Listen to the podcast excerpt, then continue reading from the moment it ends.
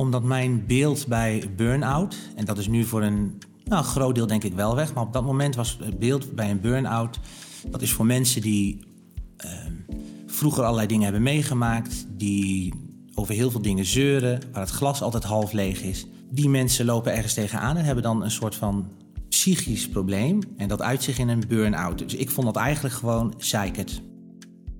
Niels heeft een druk bestaan waar hij erg van geniet. Toch krijgt hij serieuze paniekklachten en kampt hij met een burn-out. Dat heeft een behoorlijke impact op zijn leven.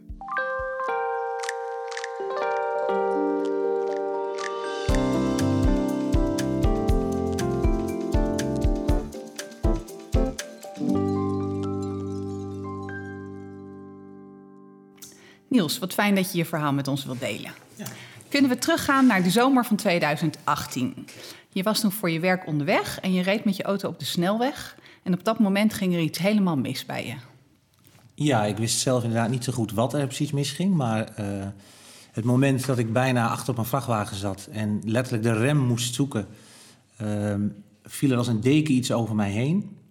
Ik kon ook niet uitleggen wat het was, maar ik voelde me ontzettend slecht. Ik voelde me benauwd. Uh, ik wist echt letterlijk niet waar ik op moest zoeken. Ik heb de auto toen op een uh, parkeerplaats uh, neergezet. Heb daar een poosje gezeten. Ik dacht nog, ik bel 112, want ik word echt gewoon helemaal niet goed. Um, ik denk dat ik daar een half uur heb gezeten. Nou, echt tijdsbesef had ik niet uh, op dat moment. Um, toen ben ik uiteindelijk toch maar terug naar huis gereden. Toen heb ik, ik denk zo'n drie uur gedaan over een nou, 20 kilometer afstand. Um, ben op bed gaan liggen en had echt zoiets van ja, wat, geen idee wat me overkomen was, maar ik wist wel meteen dat ik een echt een serieus probleem had. Dat was mij wel duidelijk. Had je al eens een keer eerder zoiets meegemaakt? Nee, niet in, in die mate. Ik had, maar dat is achteraf wel signalen gehad, zeg maar. Dat je wel eens duizelig bent of dat je, maar je gewoon niet helemaal lekker voelt of wat druk op de borst. Maar niet, niet in die hoedanigheid. Dit was echt letterlijk de man met de hamer die langskomt. Ja. En, en wat dacht je dat er gebeurde op dat moment? Um, ik denk op dat moment dat ik dacht dat ik een hartaanval kreeg. Je, je denkt wel van dit, dit is zo, alle systemen gaan echt letterlijk uit. Je kunt het ook heel moeilijk omschrijven wat het precies is. Aan de andere kun je het ook heel slecht uitleggen wat het is. Maar er gaan letterlijk een paar stekkers los voor je gevoel. Um, ja, dus het, het, eerste wat ik dacht van het, is klaar. Zeg maar, dat was echt wat ik dacht. Ja. En je zat daar in je auto op die parkeerplaats. En toen, wat, wat je zei, ik, ik, ik dacht ik moet 112 bellen. Heb je dat ook gedaan? Nee, ik heb niet gebeld, want je bent zo verbaasd en ook eigenlijk verstijfd op dat moment. Dus wel de realisatie, er is echt iets heel erg nu mis. Maar ik dacht ook van ja, als ik ga bellen, dan, dan misschien is het wel niks. Dan bel ik voor niks. Uh, waarschijnlijk gaat het wel over. Je zit natuurlijk nog volledig in een... A, je weet niet wat het is. En B, in een soort ontkenningsfase. Van, van, geen idee wat er op dat moment met je gebeurt, maar het voelt verschrikkelijk, zeg maar. Ja. Heb je je vrouw gebeld? Nee, ik heb niemand gebeld. Nee, nee. Gewacht een half uur en toen weer voorzichtig door gaan rijden. Ja, want dat is ook een beetje de modus waarin ik natuurlijk altijd gewerkt heb, zeg maar. Uh, als er iets is, uh, eerst het uitzitten. En dan, ik, ik, dacht op dat moment nog, nou, dit, dit, dit zal vanzelf wel beter gaan. Uh, het is misschien naïef, maar dat is wel de modus waarin je zit. Als je iets overkomt, dan wacht je het, of zit je het uit en dan zal het vanzelf beter gaan. En ergens in mijn achterhoofd wist ik ook wel van, dat gaat in dit geval niet zo zijn. Maar ik dacht toch, ik ga gewoon door. Ja, want zo zit je in elkaar. Zo zit ik in elkaar. Ja, ja, dat was jouw Klopt. overlevingsstand. Ja, ja. ja. En toen kwam je thuis, ben je op bed gaan liggen. Ja. Wel aan je vrouw verteld toen wat er aan de hand was? Ik denk nog niet eens meteen. Want ik ben gaan liggen een paar uur. Ik dacht, ik hoop dat het straks beter gaat. Zij was aan het werk, dus er was verder niemand thuis. Kinderen waren op school. Um, en toen ze thuis was, heb ik volgens mij wel gezegd... ik voel me niet helemaal lekker. Maar ik heb haar niet meteen verteld hoe slecht het eigenlijk hoe, was. Hoe heftig het was geweest. Nee, nee. En waarom niet? Uh, omdat ik dacht, misschien gaat het morgen beter. Ja, heel naïef, maar dat is je wil er niet aan. Dus ik had zoiets nee, dat ga ik gewoon niet zeggen. Nee. Ja, maar het was, moet wel heel beangstigend geweest zijn. Ja, dat klopt. Dat, dat, was ook heel beangstigend. Maar op het moment dat het dan weer iets weg hebt, dan denk je er nog wel over na. Dan denk je, nou, dit was misschien een incident. En nogmaals, achter in je hoofd weet je, dat is niet waar. Maar je, je stopt het een beetje weg. Je stopt het weg, ja. ja. ja dat is wat je doet. Uh, heb je vervolgens wel hulp gezocht? Uh, nee, ik heb niet meteen hulp gezocht. Het, het, gebeurde volgens mij op een vrijdag. Die maandag had ik een cursus van het werk. Uh, ik dacht, nou ja, als het weekend er, er overheen gaat, nou, dan zal het waarschijnlijk een stuk beter gaan. Uh, dat was niet zo. Want ik merkte maandag al toen ik naar die cursus reed dat ik met moeite daar aankwam. En ik kon ook nogmaals niet omschrijven wat ik precies voelde. Het was een soort duizeligheid en niet bij zijn, benauwd, hoge ademhaling, een beetje griepachtig. Ik moest echt alle zeilen bijzetten om zeg maar echt bij te blijven. En ook toen dacht ik, nou ja, misschien gaat het zo meteen beter. Maar er was mij heel snel duidelijk in de training, na een half uur kon ik het muurtje in het begin wat ik nog kon ophouden. Ja, dat was echt na een half uur was dat, was dat gewoon klaar. Ik, ik kreeg echt vluchtgedachten. Ik dacht, ik, ik, letterlijk, ik ren hier nu gewoon weg. Collega's zagen ook wel dat er iets mis was. Dus ik dacht, nou, ik ga even naar de wc. En toen dacht ik, ik kan hem nu meteen weglopen. Dat is een heel rare gedachte dat je zomaar in één keer verdwijnt. Maar ik, ik moest echt weg. Want ik dacht, dit begrijpen ze natuurlijk niet. Dus ik heb het volgens mij gegooid op ik heb griep. Of ik voel me gewoon echt heel erg niet lekker. Uh, en ben toen naar huis gegaan, ja. En eenmaal thuis? Toen dacht ik wel echt voor het eerst... en toen wist ik ook van nu heb ik echt serieus een probleem. En toen heb ik de huisarts gebeld. Um, en de, de exacte volgorde weet ik niet eens. Maar ik heb de huisarts gebeld, een afspraak gemaakt... En mijn werk meteen gebeld en gezegd van ja, dit, dit, dit gaat niet, want ik voel me echt gewoon helemaal niet goed. Ik blijf even weg. Ik blijf even weg. En na de afspraak met de huisarts uh, was wel duidelijk zeg maar, dat ik nou wat langer weg moest blijven. Zeg maar. Dus dat heb ik hun ook gemeld. En, uh, want wat zei de huisarts? De huisarts zei dat dit wel op, op nou ja, burn-out-achtige klachten waren en oververmoeidheid. Maar ik heb hem natuurlijk ook gevoed met mijn verhaal. En ik, misschien was dat verhaal enigszins manipulatief, omdat je er niet aan wil. Dus ik zei tegen hem ook, ja, veel gewerkt de laatste tijd, uh, moe. En uh, ja, ik heb het volgens mij ook een beetje naar hem toe wel gebagatelliseerd. Omdat ik dacht van ja, je wil er nog steeds niet aan. Dat is zo hard. Waar was je bang voor dat hij zou gaan zeggen? Nou ja, dat hij zou zeggen van je hebt inderdaad een burn-out en blijf maar heel lang thuis. En ik dacht, dat is niks voor mij. Want dat is voor mensen die, uh, waar het glas altijd half leeg is, die altijd zeuren, altijd moeite. En dat, dat is toch een beetje het stigma wat erop rust. En dat had ik echt in mijn hoofd. Ik dacht, een burn-out, dat, dat, dat is niet voor mij. Absoluut niet. Nee. Nee, past niet bij het beeld wat je van jezelf had. Klopt. Want ja. wat was dat beeld? Um, op dat moment gewoon um, lekker werken, doorrammen, um, weinig slapen, uh, veel leuke dingen nog doen. Je, ik wilde gewoon te veel dingen tegelijk. Dus je hebt je werk, je hebt je gezin, je hebt je privé, sporten, uh, noem alles maar op. Ook, ook alle dingen nog die je ernaast uh, doet. Ja, en dan wat, wat is dan hetgeen waar je op, op inlevert? Dat is vaak slaap. En dat heb ik ook gedaan. En, uh, Hoeveel uur sliep je gemiddeld? Nou, vier, vijf uur denk ik ongeveer. En dan in de weekenden, als ik piket had zeg maar, voor mijn werk, omdat we onregelmatig werk hebben, um, sloeg ik wel eens een nacht over, omdat Helemaal. ik dan s'nachts weg moest. En dan um, kwam je s ochtends terug en dan kwam het slecht uit om te gaan slapen. Of in ieder geval heel kort even slapen. En dan stond er weer iets gepland. En daar ga je dan mee door. Want je ik, hebt vier jonge kinderen ook? Ja, klopt. In welke leeftijd? Nu op dit moment 12, 10, 8 en vijf. En ik hoop dat ik het goed zeg. Die, ja, vijf, want anders dan heb ik een probleem. Nee, ja, van vijf. En nou, toen natuurlijk dan twee jaar jonger. Ja. Uh, en dat is, dat is wel heel hectisch en dat moet ook doorlopen. Uh, en ja, je gaat dan toch inleveren op slaap. En als je dat een aantal jaren achter elkaar doet... merk je wel dat je steeds vermoeider wordt. Dat is achteraf, hè? Dat, dat je dat soort signalen natuurlijk wel, wel, wel kreeg. Maar ja, daar, daar ram je gewoon doorheen, om het zo te zeggen. Want ja, het leven gaat door. En zolang je niet omvalt, kun je doorgaan. Denk je dat dat dan ook achteraf de oorzaak is geweest, dat je bent omgevallen? Ja, ik denk dat dat voor mij de, de grootste oorzaak is. En natuurlijk zijn er altijd wel kleine omstandigheden omheen. Je kunt te maken krijgen met uh, uh, privézaken. Dat, dat kan zijn van het overlijden van iemand. Of, maar dat heeft bij mij niet een, ook nu ik terugkijk, niet een impact gehad dat dat bij mij heeft bijgedragen, denk ik, aan mijn uitvallen. Ik wijd dat echt voor het grootste gedeelte uh, toch echt aan rust, slaap en dat soort zaken. En dan aangevuld met de kleine dingen die toch ongemerkt impact op je hebben, zeg maar. Zoals? Uh, nou, wat ik net zei, ziekte kan zoiets zijn, overlijden. Uh, financieel kunnen er dingen zijn, beslissingen die je moet nemen. we zaten in een verhuizing op dat moment. dus al dat soort dingen bij elkaar.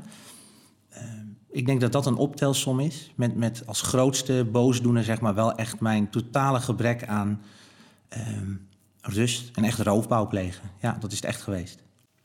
Je zei, uh, ik wilde er niet aan dat ik een burn-out had. Ja. Wat, wat maakte dat je daar zoveel weerstand tegen voelde? Omdat mijn beeld bij burn-out, en dat is nu voor een nou, groot deel denk ik wel weg, maar op dat moment was het beeld bij een burn-out, dat is voor mensen die uh, vroeger allerlei dingen hebben meegemaakt, die over heel veel dingen zeuren, waar het glas altijd half leeg is die overal een probleem hebben. Of dat nou veranderingen in het werk zijn of privé gebeurt er iets. En die mensen lopen ergens tegenaan en hebben dan een soort van psychisch probleem en dat uit zich in een burn-out. Dus ik vond dat eigenlijk gewoon zeikert, als ik eerlijk ben. Dat was gewoon, dus ik pas niet in het beeld van een burn-out. Voelde het ook als een falen als je, als je het zelf niet sterk genoeg was om het vol te houden? Uh, falen. Ja, volgens mij heb ik die vraag inderdaad ook uh, bij de psycholoog wel gehad van, hè, van, van het falen. Ik denk wel dat ik op het gebied ook van rust nemen en dat soort dingen uh, gefaald heb. Ja, ja, dat denk ik. Maar was het ook een falen of een gevoel van mislukking dat je het niet vol kon houden? Ik denk dat ik dat in het begin wel heb gehad, maar dat ik al vrij snel zoiets had van ja, als je zo leeft, zeg maar, de dingen zo doet zoals ik ze heb gedaan, dan zak je vanzelf door het ijs. En of dat dan falen is, nou misschien dat je voor je gevoel jezelf teleurgesteld hebt. Want ik vind falen dan misschien nog een te groot woord, maar dat je wel teleurgesteld bent in hoe dingen gelopen zijn. Maar dat je wel vrij snel besef krijgt van ja, uh, het is mij niet overkomen. Uh, ik heb het voor een deel ook echt laten gebeuren. Ik denk dat dat echt, ja, dat dat echt het, het verhaal is. Ja. En neem je jezelf dat dan kwalijk? Want ben je iemand die, die hard is voor zichzelf? Uh, ja, Lieke, de psycholoog, zou zeggen misschien van wel. Omdat ik soms wel redelijk snel in mijn oordeel ben. Ook voor mijzelf. Um, maar ik neem het mijzelf, ja, ik neem het mijzelf wel kwalijk. Want ik had de signalen die ik daarvoor kreeg, in de jaren daarvoor, had ik ook moeten oppakken. En ik had eerder mezelf gewoon moeten dwingen om wel rust te nemen en uh, gewoon te denken van dit kan niet. De omgeving had ook vaker gezegd hoor, dat kan niet. Familie, vrienden, van, uh, wat jullie doen is eigenlijk te gek. Met allebei onregelmatig werken, met de uren, zo weinig rust. Um, in de weekenden ook alsnog gaan werken, te veel dagen achter elkaar en al dat soort dingen. Ja, dat was gewoon te veel. En ook geen nee zeggen. Hoe lang ben je thuis geweest? De eerste keer ben ik acht weken, denk ik, volledig uh, thuis geweest. En toen vrij snel alweer gaan werken. Um, alleen, ik denk dat ik die eerste keer, dus in 2018, uh, nog niet voldoende het besef had van de impact die een, ik noem het dan inderdaad even burn-out vermoeidheid, zeg maar, wat dat met zich meebrengt. En ik ben toen te snel weer gewoon in het oude tempo doorgegaan. Misschien wel iets meer rust genomen, maar gewoon weer werken, gewoon de uren weer maken. En toen voelde ik eigenlijk al wel van dit gaat niet goed. Ik, ik heb dit niet goed of uitgeziekt, maar niet goed uitgezeten. Ik ga te snel weer aan het werk. Maar ja, dan moet je weer gaan zeggen, ik, hè, het lukt niet. Nou, dus dat wil je niet. Dus toch doorgegaan. En waar had je nog andere hulp gezocht, anders dan dat je naar de huisarts was gegaan? Ja, ik heb een aantal uh, sessies volgens mij bij de psycholoog gehad. Maar dat heb ik een beetje, hoe zal ik dat nou eens netjes zeggen? Je doet dat zeg maar omdat dat in het programma hoort. Maar ik was er niet van overtuigd dat mij dat zou helpen. Want ik dacht, wat zal een psycholoog uh, mij nou kunnen vertellen wat mij gaat helpen? Want ik weet het zelf allemaal wel. Dus dan ga je toch een beetje in een wenselijke richting praten.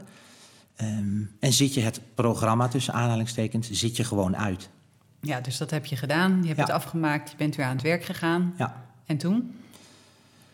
En toen kwam ik er langzaamaan achter dat het helemaal niet goed ging. Ik merkte het ook bijvoorbeeld in het autorijden. Dat, nou, wij rijden heel veel, ook in het werk. Dat ging mij altijd nou, gedachteloos zeg maar, gewoon af. Hoefde ik echt totaal niet bij na te denken. Maar dat werd steeds moeilijker. Dus ik ging een beetje een soort van vals spelen... door toch wel tegen mensen te zeggen... oh, uh, rij jij even, dat is niks voor mij... want ik wil zelf altijd rijden. Maar dat waren voor mij wel signalen.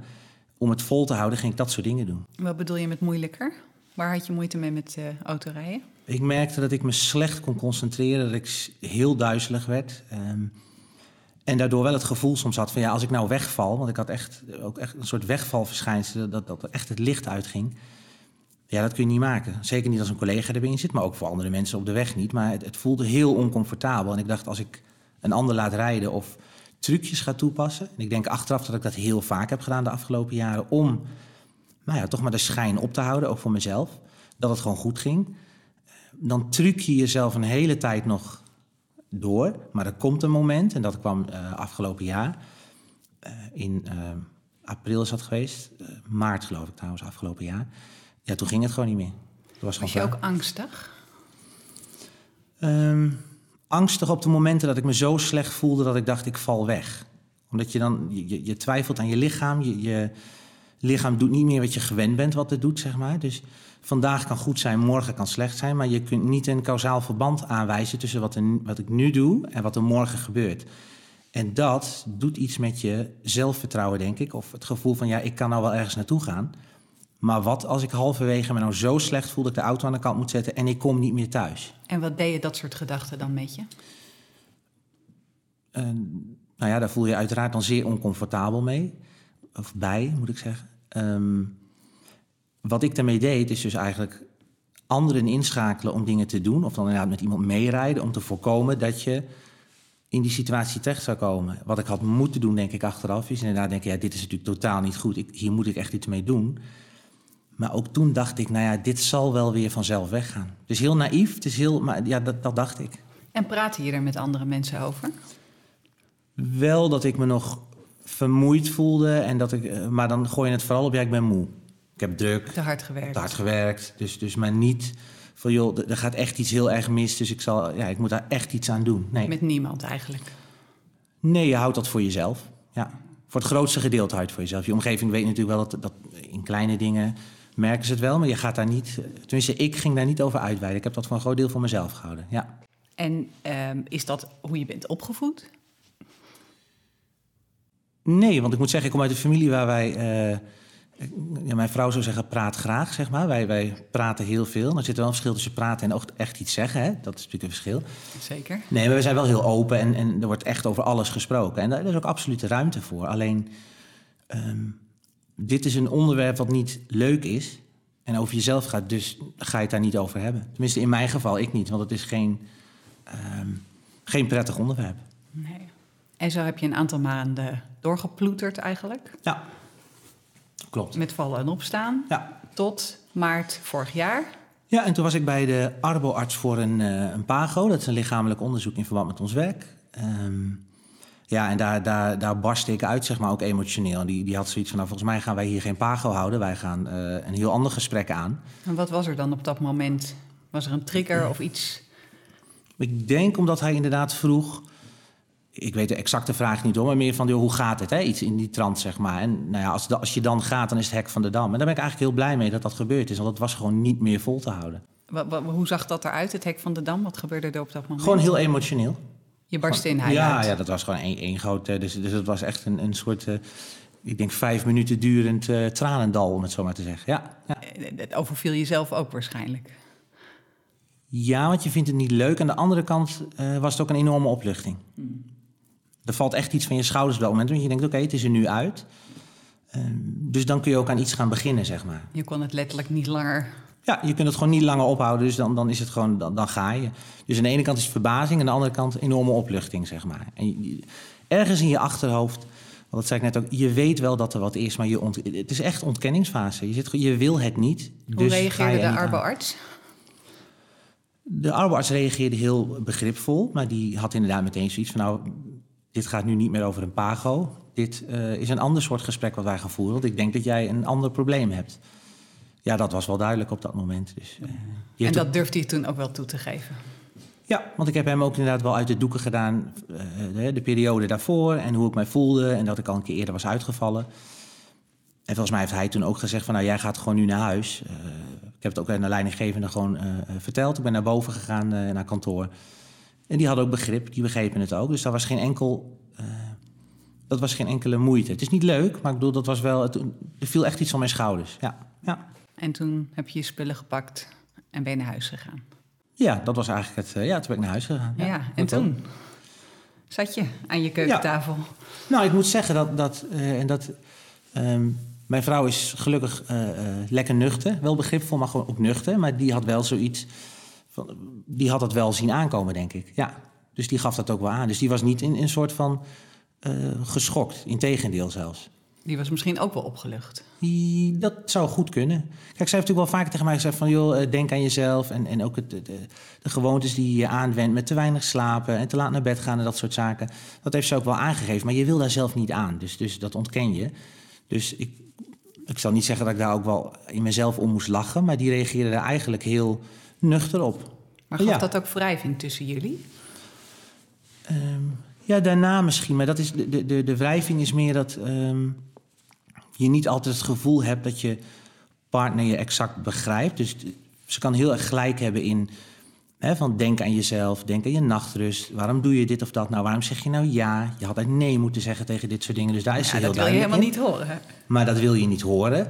En je eerste reactie is, ehm, en misschien is dat heel menselijk, maar om, ik heb dat tenminste, om dan te denken, ja, jij vindt nou iets van mij, maar jij doet dit en dit en dat. Maar daar gaat het niet om, want het gaat nu om mij.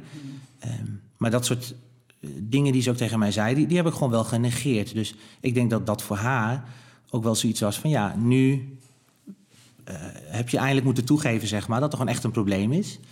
Ehm, dus misschien was het inderdaad voor haar in die zin ook wel een opluchting. Ik denk een logisch gevolg van mijn, eh, ja, mijn handelen of, of, of hoe ik in het leven en het werk stond. Ja.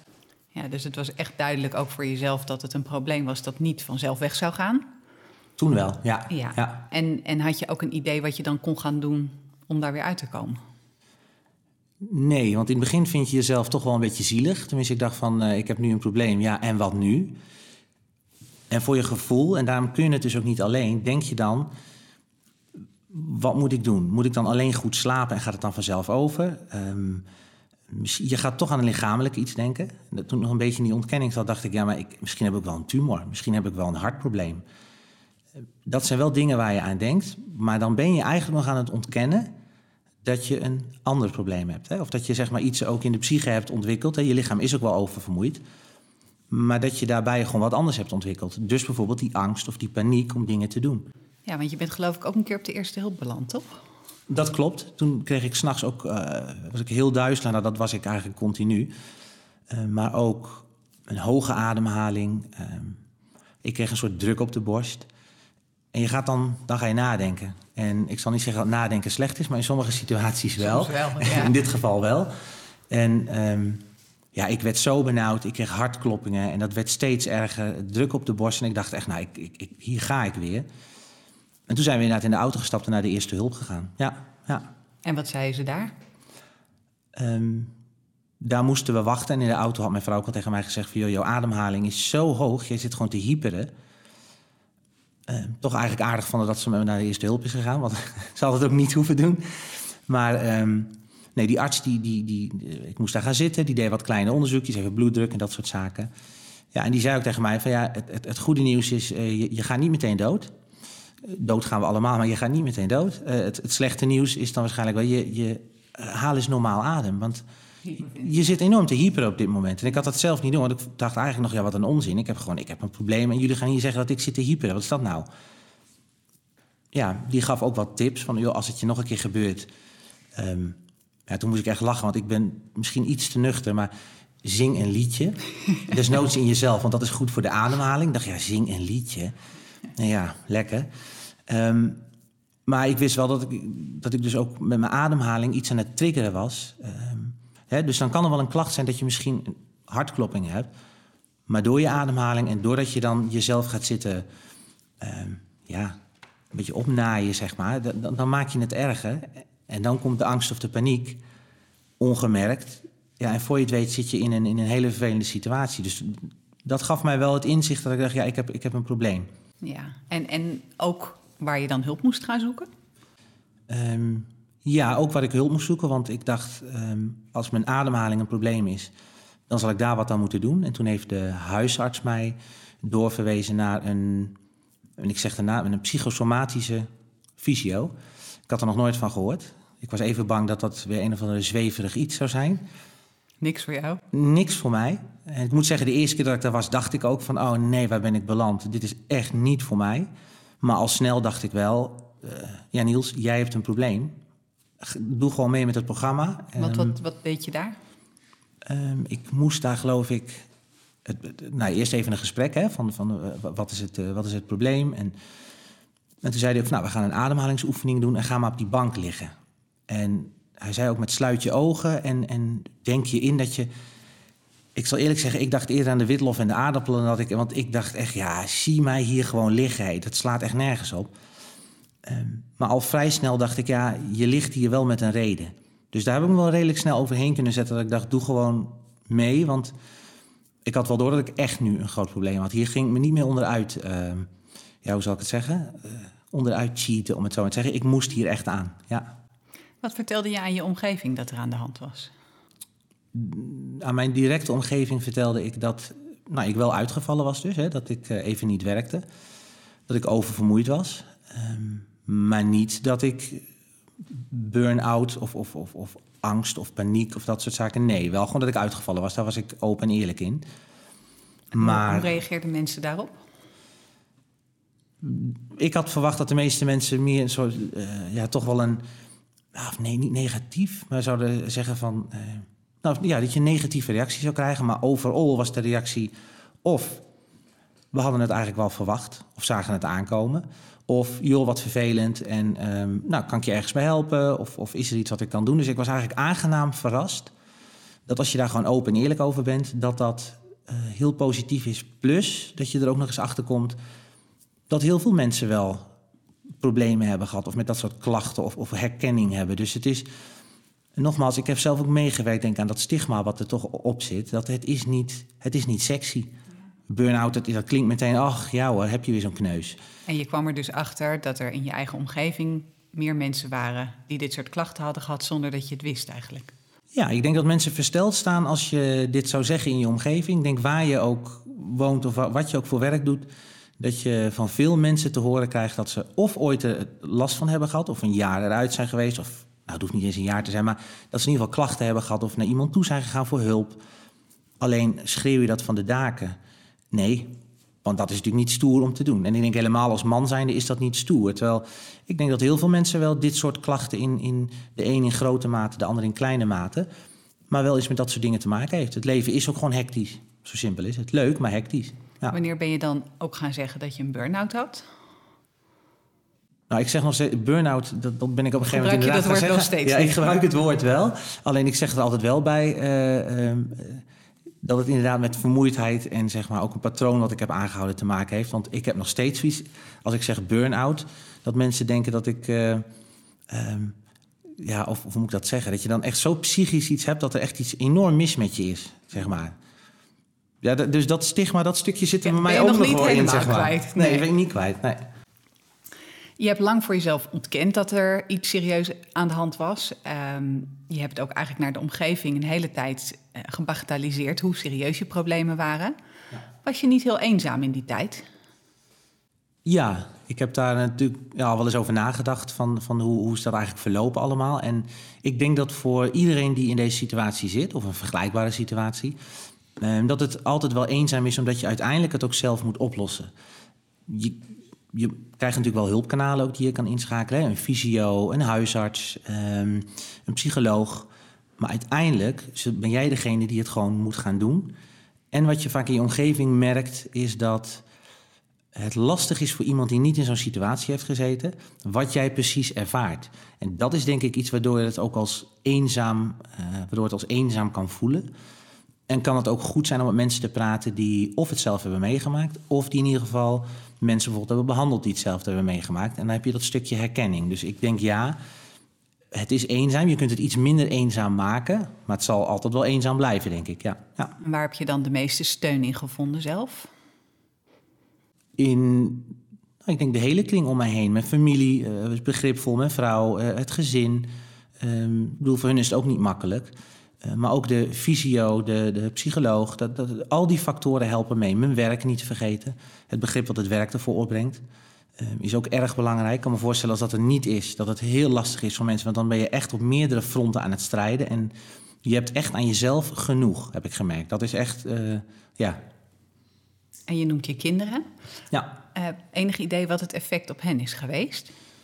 Ik denk zeker in het begin voordat je zeg maar een soort van erkent dat je een probleem hebt, hè, dat, je, dat je een burn-out hebt, dat je ongemerkt toch je eigen frustratie van vermoeidheid en dat soort zaken toch wel op je naaste omgeving gaat botvieren.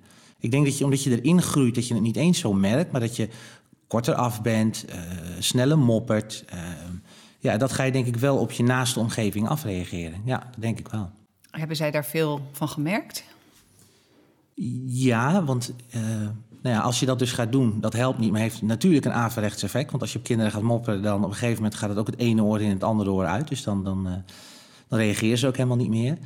Um, en ik denk inderdaad dat het op hun wel effect heeft gehad. En um, ik denk dat ze door wat korte gesprekjes die we hebben gehad. Ik heb er niet echt een heel lang gesprek met hen over gehad.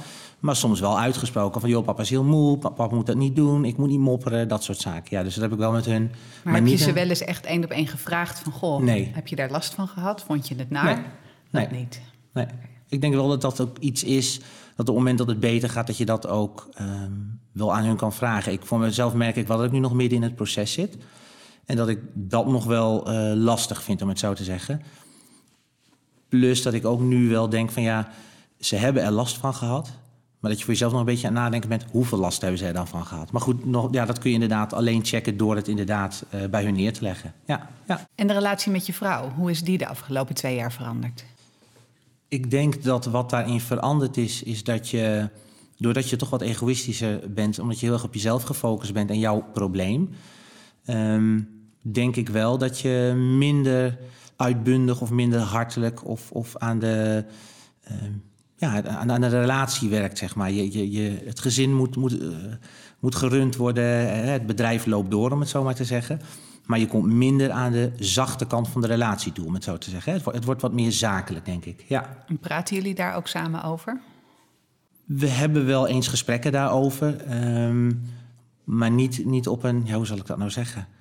Een soort uh, hele um, duidelijke. Ja, ik, ik, ik weet niet hoe ik dat moet verwoorden. Maar je hebt het, het, laat ik zo zeggen, het is meer zijdelings dan dat je een keer echt ervoor gaat zitten en dat gesprek aangaat. Ja. Overigens, na deze podcast zal dat moeten. Dus. En uh, de intimiteit, heeft het daar ook effect op gehad? Ik denk het wel, omdat de, uh, de intimiteit is ook iets wat, wat echt op een, op een, op een nou, tweede of derde plan komt te staan. Omdat je dus met jezelf heel erg bezig bent. En dat heeft er ook mee te maken dat ik denk voordat je over dat soort zaken uh, het hebt of doet of praat, uh, moet je zelf, ik denk ook wel goed in je vel zitten. Want als dat niet zo is, en je bent vermoeid, je bent duizelig, je, je probeert de ballen hoog te houden, dan moet ik voor mijzelf dan zeggen, dan is dat echt iets wat op een, op een, een later plan komt. Ja, ja. Dus daar boet je ook op in. Ja. Je noemde uh, de psycholoog al even, waar je gesprekken mee voert. Na hoeveel tijd uh, ben je naar een psycholoog gegaan? Ik denk dat dat is geweest na een maand of zes. Uh, want ja, bij de huisarts geweest, toen naar de fysio. En daarna naar de psycholoog. Ja. Dat is best een tijd, zes maanden, als je je tamelijk belabberd voelt. Uh, dat klopt, maar ik heb het in het begin vooral echt gezocht in... Ik ben oververmoeid, ik heb roofbouw gepleegd. Nou, ik had dus die hoge ademhaling. Ik denk, ik ga naar die fysio. Als ik dan ook probeer goed uit te rusten... Um, dan komt het wel goed. Dan komt het goed. Ik zal niet zeggen het gaat vanzelf over, maar dan zal het steeds beter gaan. Maar ik kwam er wel achter dat ik dacht van... ik, ik wil toch nog ook iemand om mee te kunnen spiegelen. Omdat, en dat heb ik al eerder gezegd... je omgeving, je familie, je vrouw, uh, je vrienden... als mensen zoiets niet hebben meegemaakt... Um, dan is het heel lastig om je te verplaatsen. En natuurlijk is het fijn als mensen zeggen... ik begrijp hoe je je voelt... Maar ik heb heel vaak gedacht, jij weet helemaal niet hoe ik me voel. Um, dus, en bij een psycholoog kun je dan toch wat makkelijker ook of frustratie uiten. Die kan ook tegen jou zeggen, soms ook best hard, van je praat jezelf tegen of wat jij zegt klopt niet. We hebben gewoon een zakelijke verhouding en niet een, uh, ja, een, een naaste relatieverhouding, om het zo maar te zeggen. Dus als het botst, ook bij een psycholoog, is dat prima. Dat is geen enkel probleem. En die eerste zes maanden dat je thuis was geweest, merkte je dus eigenlijk onvoldoende verbetering? Dat je toch meer hulp wilde? Ja, en ik heb dat nu nog steeds wel eens hoor. Dat ik denk van, jongen, waar ben ik? En uh, het schiet helemaal niet op. Um, maar uh, ik vroeg mij af of ik wel met de goede dingen bezig was. Omdat het voor mij niet snel genoeg ging. Ik dacht, ik heb een burn-out. Ik draai gewoon aan vijf knoppen. En dan over een maand of zes, dat vond ik al heel lang, denk dan is het probleem opgelost. En ik ben nu, na deze laatste periode, zeg maar ruim een jaar dan onderweg. En natuurlijk gaan dingen beter, maar het gaat niet zo snel als ik wil. En dan moet ik zeggen dat doordat ik ook bij de psycholoog ben uh, ik zei laatst tegen Lieke van, ik, ik had een enorm slecht weekend. Dat ik echt dacht, ik ben helemaal terug bij af. Dan raak je toch echt teleurgesteld. Maar die zei op een gegeven moment ook tegen mij van, ja, dat zeg jij wel. Maar dan gaan toch ook dingen nu beter? Ben je de hele dag nog duizelig? Of heb je, ik zeg, nee, dat is niet zo. Uh, dus zij noemde de dingen op die wel beter gingen. Dus je bent niet terug bij af, je hebt gewoon een dipje. Uh, en dat hoort erbij. En dat geeft je ook wel even een stuk bevestiging dat je denkt, nee, niet alles is slecht. Er gaan ook absoluut dingen beter. En teleurstelling hoort er gewoon bij. Maar ik denk ook voor een type als ik ben, zeg maar, met dat doorrammen, is dat uh, lastig te accepteren, zeg maar. Zeker dat het lang duurt. Ja. Waar helpt ze jou vooral mee? Um, spiegelen. Ik, ik uh, hou ervan om ook in gesprek met mensen, zeg maar, wel. Um, ja, ik, ik vind dat interessant, zeg maar, dat, uh, dat, dat praten met mensen. Alleen zij zei tegen mij: het is leuk als je een makkelijke prater bent of communicatief sterk bent. Alleen misschien kun je soms een ander foppen, zeg maar. Je fopt jezelf ook. Je, niet van je gelooft bijna in je eigen verhaaltjes, maar je, je, het, zij kan wel bij mij aangeven van wat je nu zegt, strookt niet met wat je een half uur geleden zei. En dat neem je van haar eerder aan dan van bijvoorbeeld je vrouw of een vriend? Ja, omdat zij geen belang erbij heeft. Ik bedoel, ik, zij krijgt toch wel betaald. Ja, dat klinkt even heel plat, maar dat is gewoon zo. Zo zie ik het. En um, waarom, voor haar is er geen enkele aanleiding om uh, het verhaal mooier te maken tegen mij dan nodig is. Zij kan gewoon alles zeggen wat ze wil. En ik accepteer dat, omdat ik ervan uitga dat zij ook weet waar ze het over heeft. Uh, en vind ik het ook zelfs prettig als zij gewoon tegen mij zegt van... Uh, wat je nu zegt klopt gewoon niet. Of, je, of nou, zo zal ze, ze zal het niet anders verwoorden, maar van, van het klopt niet wat je nu zegt... of je spreekt jezelf tegen. Heeft of, ze je ook praktische tips gegeven? Ja, die heeft ze zeker gegeven. Um, de belangrijkste voor mij in het begin was... Um, als je merkt dat je moeite hebt met autorijden... en dat is maar een voorbeeld hoor, maar, en, en dat gaat je normaal makkelijk af... dan ga je het gewoon vermijden. Of je zorgt dat je met twee minuten hoeft te rijden. Alleen de ellende is dat ook als het wat beter met je gaat... en je gaat het vermijden, dan ga je het dus niet meer doen. En dat is hetzelfde als met je, als je van het paard afvalt. Je moet er zo snel mogelijk weer op, anders ga je het niet doen. En zij heeft ook tegen mij wel gezegd van... probeer ook lastige situaties gewoon aan te gaan. Um, en zij gaf toen het voorbeeld, en ik weet nog dat ik toen naar huis reed. Toen dacht ik, oh nee. Toen zei ze tegen mij, misschien is het wel leuk om jezelf even voor te stellen... in een sessie met allemaal mensen, wie jij bent en wat jij hebt. En toen dacht ik, oh, dat gaan we dus echt niet doen. Want ik denk, dus dan moet je echt met de billen bloot, om het zo maar te zeggen. Um, en daar had ik geen zin in, maar dat gaf mij wel um, ook weer aanleiding om te zeggen... ja, ik moet nu gewoon de dingen waar ik angst voor heb, die moet ik gewoon aangaan. Want daar had ik normaal helemaal geen angst voor. Dus spreken in het openbaar of uh, autorijden of, of in een uh, ruimte zijn met veel mensen, geen enkel probleem. Maar nu is dat echt, en dat is ook een hele rare gewaarwording, echt een dingetje. Je choked gewoon echt als je bepaalde dingen moet doen. En dat is, dat is gewoon niet fijn. Dan herken je jezelf ook niet meer, denk ik. Ja, je herkent jezelf niet meer. En ik denk dat wat heel belangrijk is, is om. En je hoeft niet meteen voor een zaal van 2000 mensen te gaan staan. Maar begin gewoon klein, net als met autorijden. Maar ga bijvoorbeeld wel weer een half uur autorijden. Of, of als je dat namelijk niet doet, weet je A niet wat je belastbaarheid is. En B, je gaat een strategie ontwikkelen om alles wat jij lastig vindt te vermijden. Ja, en dan ga je het ook nooit meer leren, om het zo te zeggen. Dus dat heeft ze absoluut aan mij uh, uh, wel aangegeven en geleerd. Ja, dat heb ik ook meegenomen. En dat voorstellen wat ze jou adviseerde, heb je dat ook in de praktijk gedaan? Ja, want ik weet nog dat wij op het werk een, um, een, een vergadering hadden, een overleg. En dat was niet een al te grote groep, maar ik denk met tien of twaalf mensen. En hoe raar het ook klinkt, maar gewoon in het voorstelrondje al. Dat had ik een paar maanden daarvoor gemerkt. Was ik ook op het werk. Uh, moest er een voorstelrondje plaatsvinden. En dan denk je op een gegeven moment: nee, wat gebeurt hier? Dan zie je gewoon dat het steeds dichter naar jou toe gaat. Je moet je voorstellen. En ja, daar kon ik me een jaar geleden of twee niks bij voorstellen. Dat je moest nadenken van, oh nee, ik moet mij zo meteen gaan voorstellen. En dat je dan in een soort paniekmodus schiet en echt choked op dat moment. En dan ga je dat soort situaties dus vermijden. Want dan denk je, ja, ik kan dat niet meer. Hoe heb je dat opgelost toen, daar, in die vergadering? Door er gewoon heen te gaan. En ook, toen dacht ik echt terug aan ook wat, wat, wat die arts in het ziekenhuis zei van... joh, je gaat echt niet meteen dood.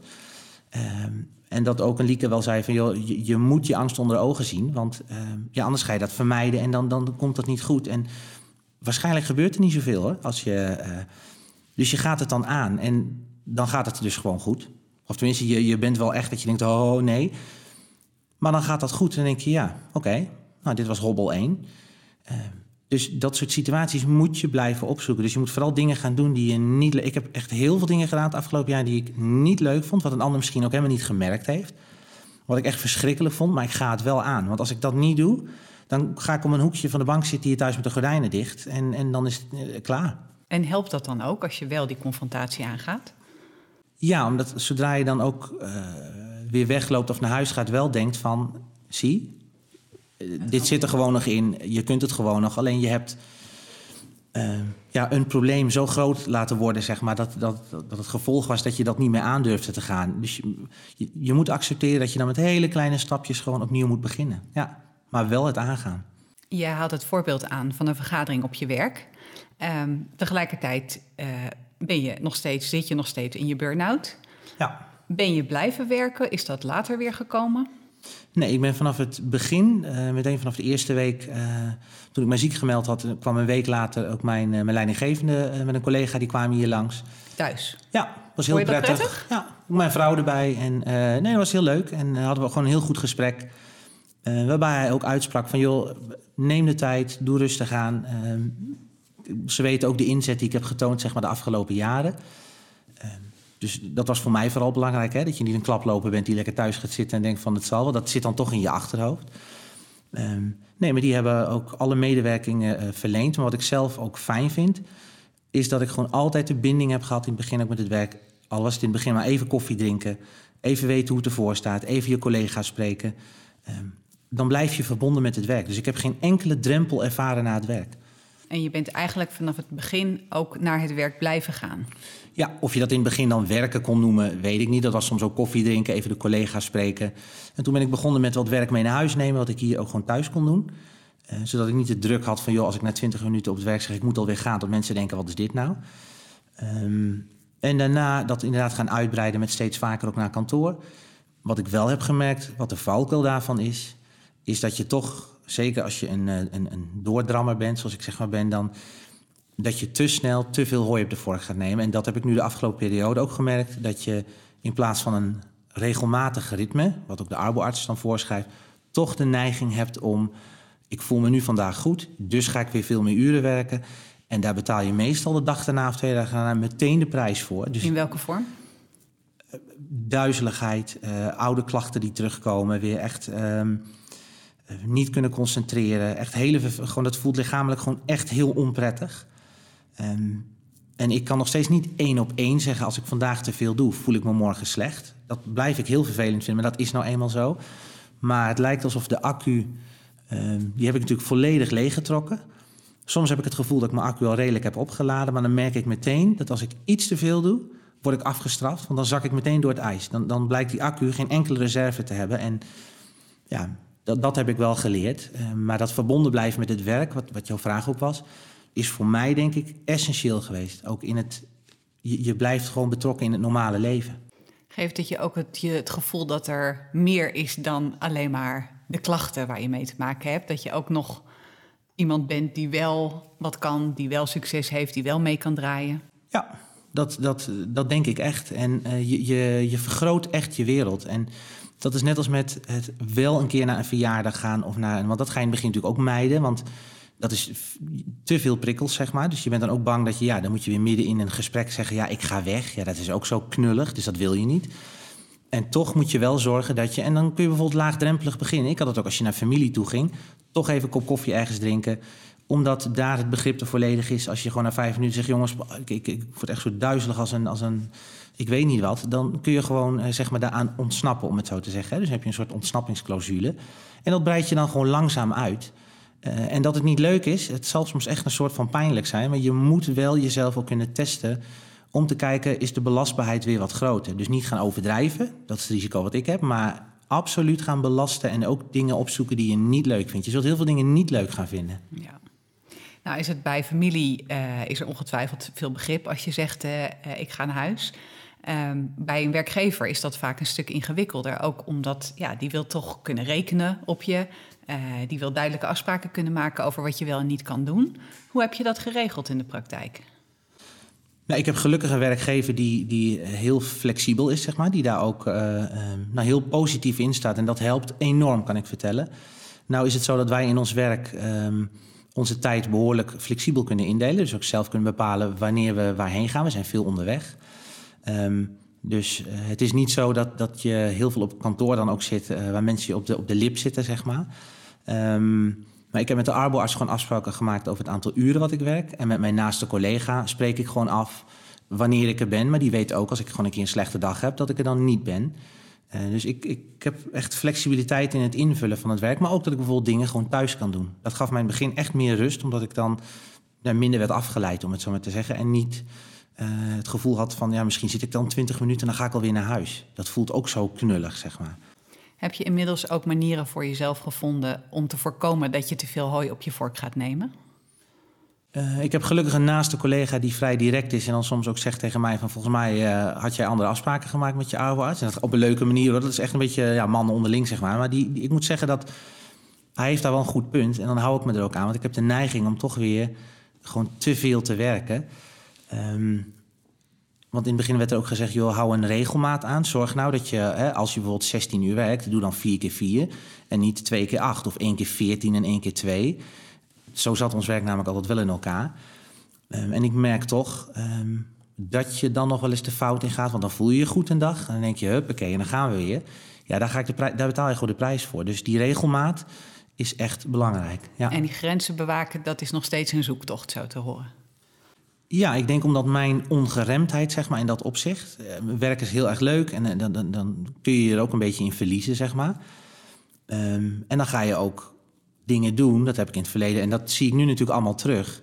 Als je een dag hebt gemaakt van 12, 13 uur en je kunt er nog 6 uur aan vastplakken, is niet zo handig eigenlijk. Maar omdat het dan leuk is, en je denkt ook, oh, wil die actie ook nog meepakken, ja, dan ga je dat toch doen.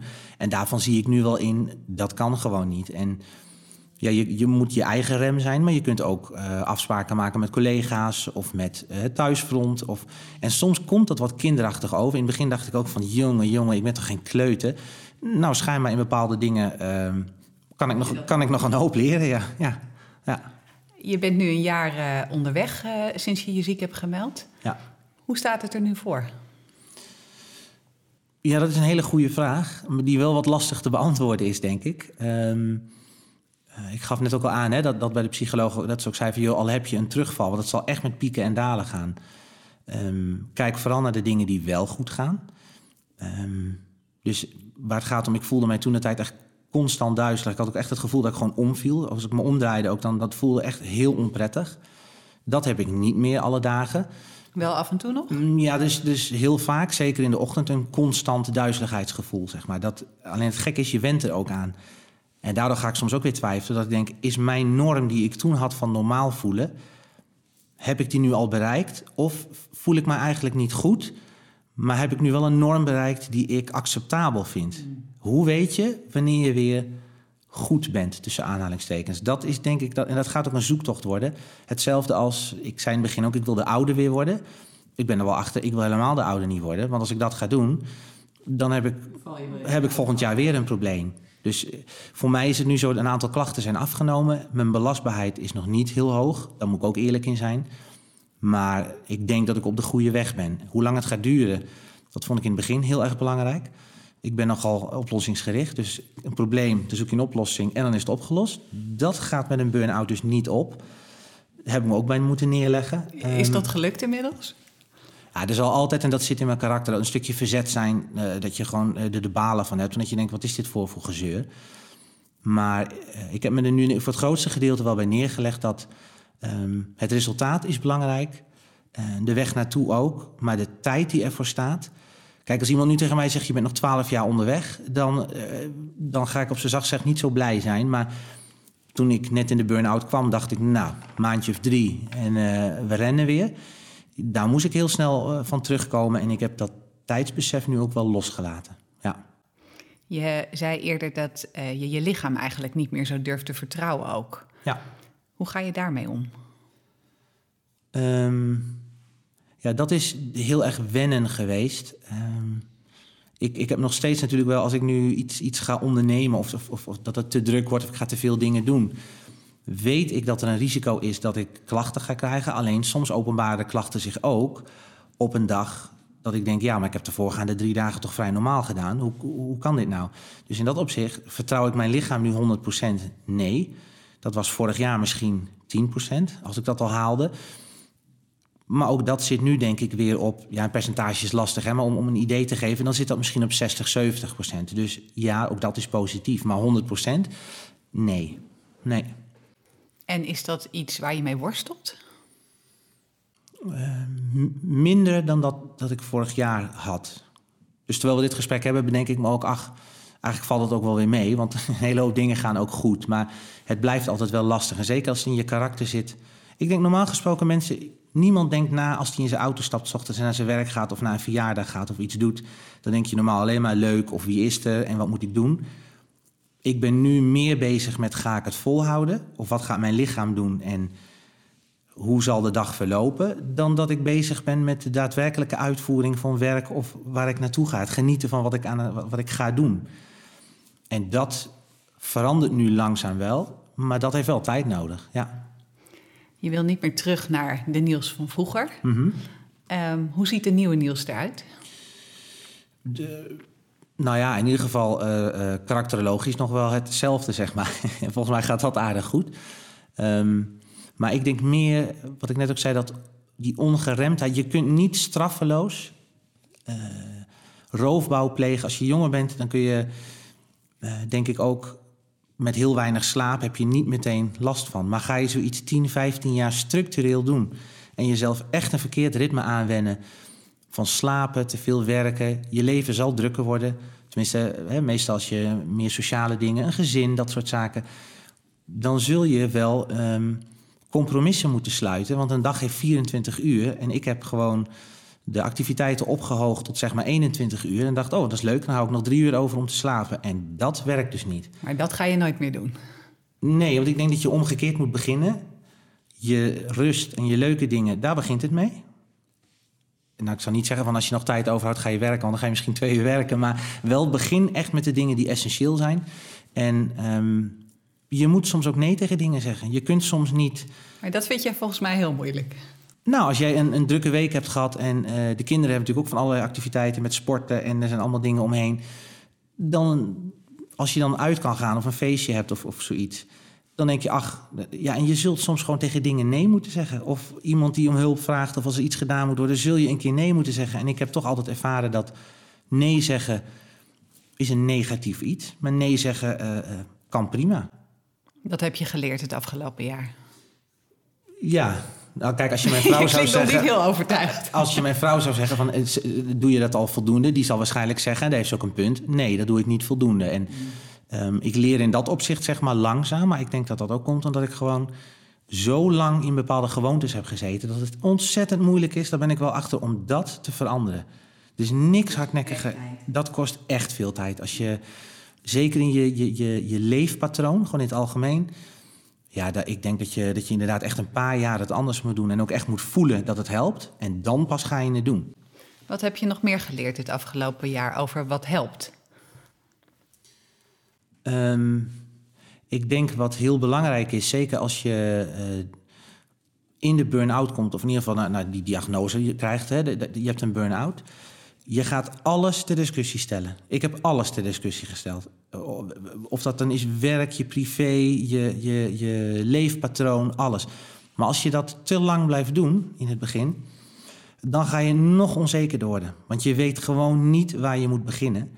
En ik heb, uh, en dat was wel bij de psycholoog ook, uh, moest ik een model invullen. Ik moet je even onthouden hoe het exact in elkaar zat, maar het was wel een beschrijving van wat zijn nou exact jouw klachten. Want ik dacht gewoon, ik ben compleet verrot, zeg maar. Dat, dat, dat is wat je echt denkt, want je, je, voor je gevoel kun je niks meer. Tot je dan heel concreet op papier moet gaan opschrijven, maar wat zijn je klachten? Wat zijn de omstandigheden waarin jij nu verkeert? Of dat privé is, qua werk. En als je dat gaat opschrijven, dan ontdek je al wel heel snel dat uh, bepaalde factoren waar jij zelf invloed op hebt, dat je daar wat aan kan doen. Um, doe je dat niet en maak je het niet concreet, dan wordt het een hele grote brei. Vind je jezelf, ik tenminste, heel zielig, maar heb je geen idee waar je moet beginnen. Ja, en als dus je, je pelt het af, je maakt het behapbaar ja. en dan kan je ermee aan de slag. Ja, maar je kunt niet acht problemen tegelijk oplossen. Begin met één of twee en als dat in de pocket is, dan kun je de rest doen. Maar anders, anders word je echt, uh, nou ja, gek zou ik bijna zeggen. Maar dat, dat, is geen doen, dat is echt geen doen. Ja. Loopt hier ook nog een, eh, een hond bij jou in huis rond? Ja. Heeft die je nog geholpen? Ja, want uh, ondanks zeker de afgelopen maand met dat weer... is het niet altijd even fantastisch om naar buiten te gaan, maar... Toevallig kregen wij de hond in de periode dat ik uitviel. Um, en ondanks dat ik soms uh, de bocht bijna niet om kon omdat ik omviel, zeg maar, als ik aan het wandelen was, uh, is het buiten zijn en het bewegen, achteraf gezien, uh, nou ja, een heel erg goed recept. Ik kan het iedereen aanraden. Dus dat helpt echt. Want je komt aan je beweging, je komt buiten. En ook als je denkt, ik heb geen zin en ik blijf op de bank liggen... want ik ben zo duizelig en ik kan niks. Ja, die hond moet toch naar buiten. Dus je gaat zelf dan ook. En dan ontdek je dat je niet omvalt. Eh, dat het wel heel onprettig voelt. Maar dat je dus wel gewoon eh, ook in je lichamelijke beweging komt. Dus ja, die hond heeft zeker wel een, hele positieve rol gehad. Ja. En tot slot, is er dan ook nog iets waarvan je gemerkt hebt... nou, dat kan ik maar beter niet meer doen. Dat helpt mij in ieder geval niet. Uh, zaken zoals, ehm, nou bijvoorbeeld een wijntje s'avonds drinken, dat is uh, gezellig. Het risico wat je loopt als je in een burn-out zit of gewoon klachten hebt, um, dan is alcohol ook een heel mooi middel om toch stiekem steeds regelmatiger wat meer te drinken, omdat op het moment dat je dat doet, je toch minder last van je klachten hebt. Op dat moment tenminste. Die prijs betaal je altijd de dag daarna. Um, dus het hoeft niet eens een, een, een, schokkende hoeveelheid te zijn. Maar je merkt wel dat je langzaam steeds meer dat ook als een medicijn kan gaan gebruiken. En dat is wel af te raden. Dus het is ook heel goed om je wel te beseffen dat dat niet, uh, dat dat niet de weg is, zeg maar, om, om te bewandelen. Nee. Ja. Als we over een jaar bij jou terugkomen, waar sta je dan, denk je? Wat ik denk of wat ik hoop? Wat hoop je? Um, wat ik hoop is dat ik Um, nou, ik ga niet zeggen me zo voel zoals ik me uh, drie jaar of vier jaar geleden voel. Maar dat ik in ieder geval gewoon uh, me, me, me, goed voel. Um, mijn werk normaal kan doen. In mijn gezin ook gewoon goed functioneer. En een goede balans heb gevonden tussen werk, rust, uh, privé. Klinkt heel cliché, maar dat is wel, denk ik, wat, wat de basis is zeg maar, om gewoon je gewoon goed te voelen en, en, en goed te kunnen functioneren. Ja, dus ik hoop dat ik over een jaar op dat punt zit, ja. Dat ik daar heel blij mee ben. Ja. Dankjewel.